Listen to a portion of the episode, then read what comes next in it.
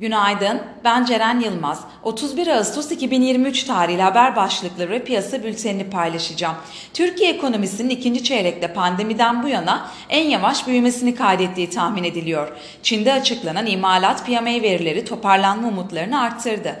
Çin Merkez Bankası özel sektörün finansmana erişimini iyileştirme sözü verdi. Kredi Suisse satın alımından kaynaklı 29 milyar dolar net kar açıklayan UBS, banka ile tam entegrasyon kararı açıkladı. Piyasalara genel olarak bakacak olursak pay piyasalarında Merkez Bankası'ndan gelen sürpriz faiz artışına rağmen yüksek enflasyon ve negatif reel faiz ortamının devam etmesi beklendiği için TL varlıklar içinde Borsa İstanbul alternatifsiz yatırım aracı olarak görülmeye devam ediyor. Ekonomi yönetiminin rasyonel politikalara kademeli geçiş adımlarına devam etmesiyle birlikte yabancı ilgisinin orta vadede devam etmesi bekleniyor. Bununla beraber son dönemde yabancı alımlarının momentum kaybetmesi nedeniyle endeks endekste kısa vadeli yükselişlerin kar satış fırsatı olarak kullanılarak dalgalı seyir oluşabileceğini düşünüyoruz.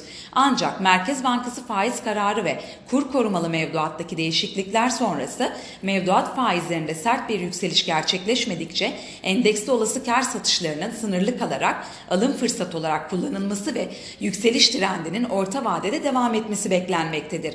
Major borsalarda FED faiz kararına kadar risk alma iştahının zayıf kalarak dalgalı bir seyir oluşması olması beklenir.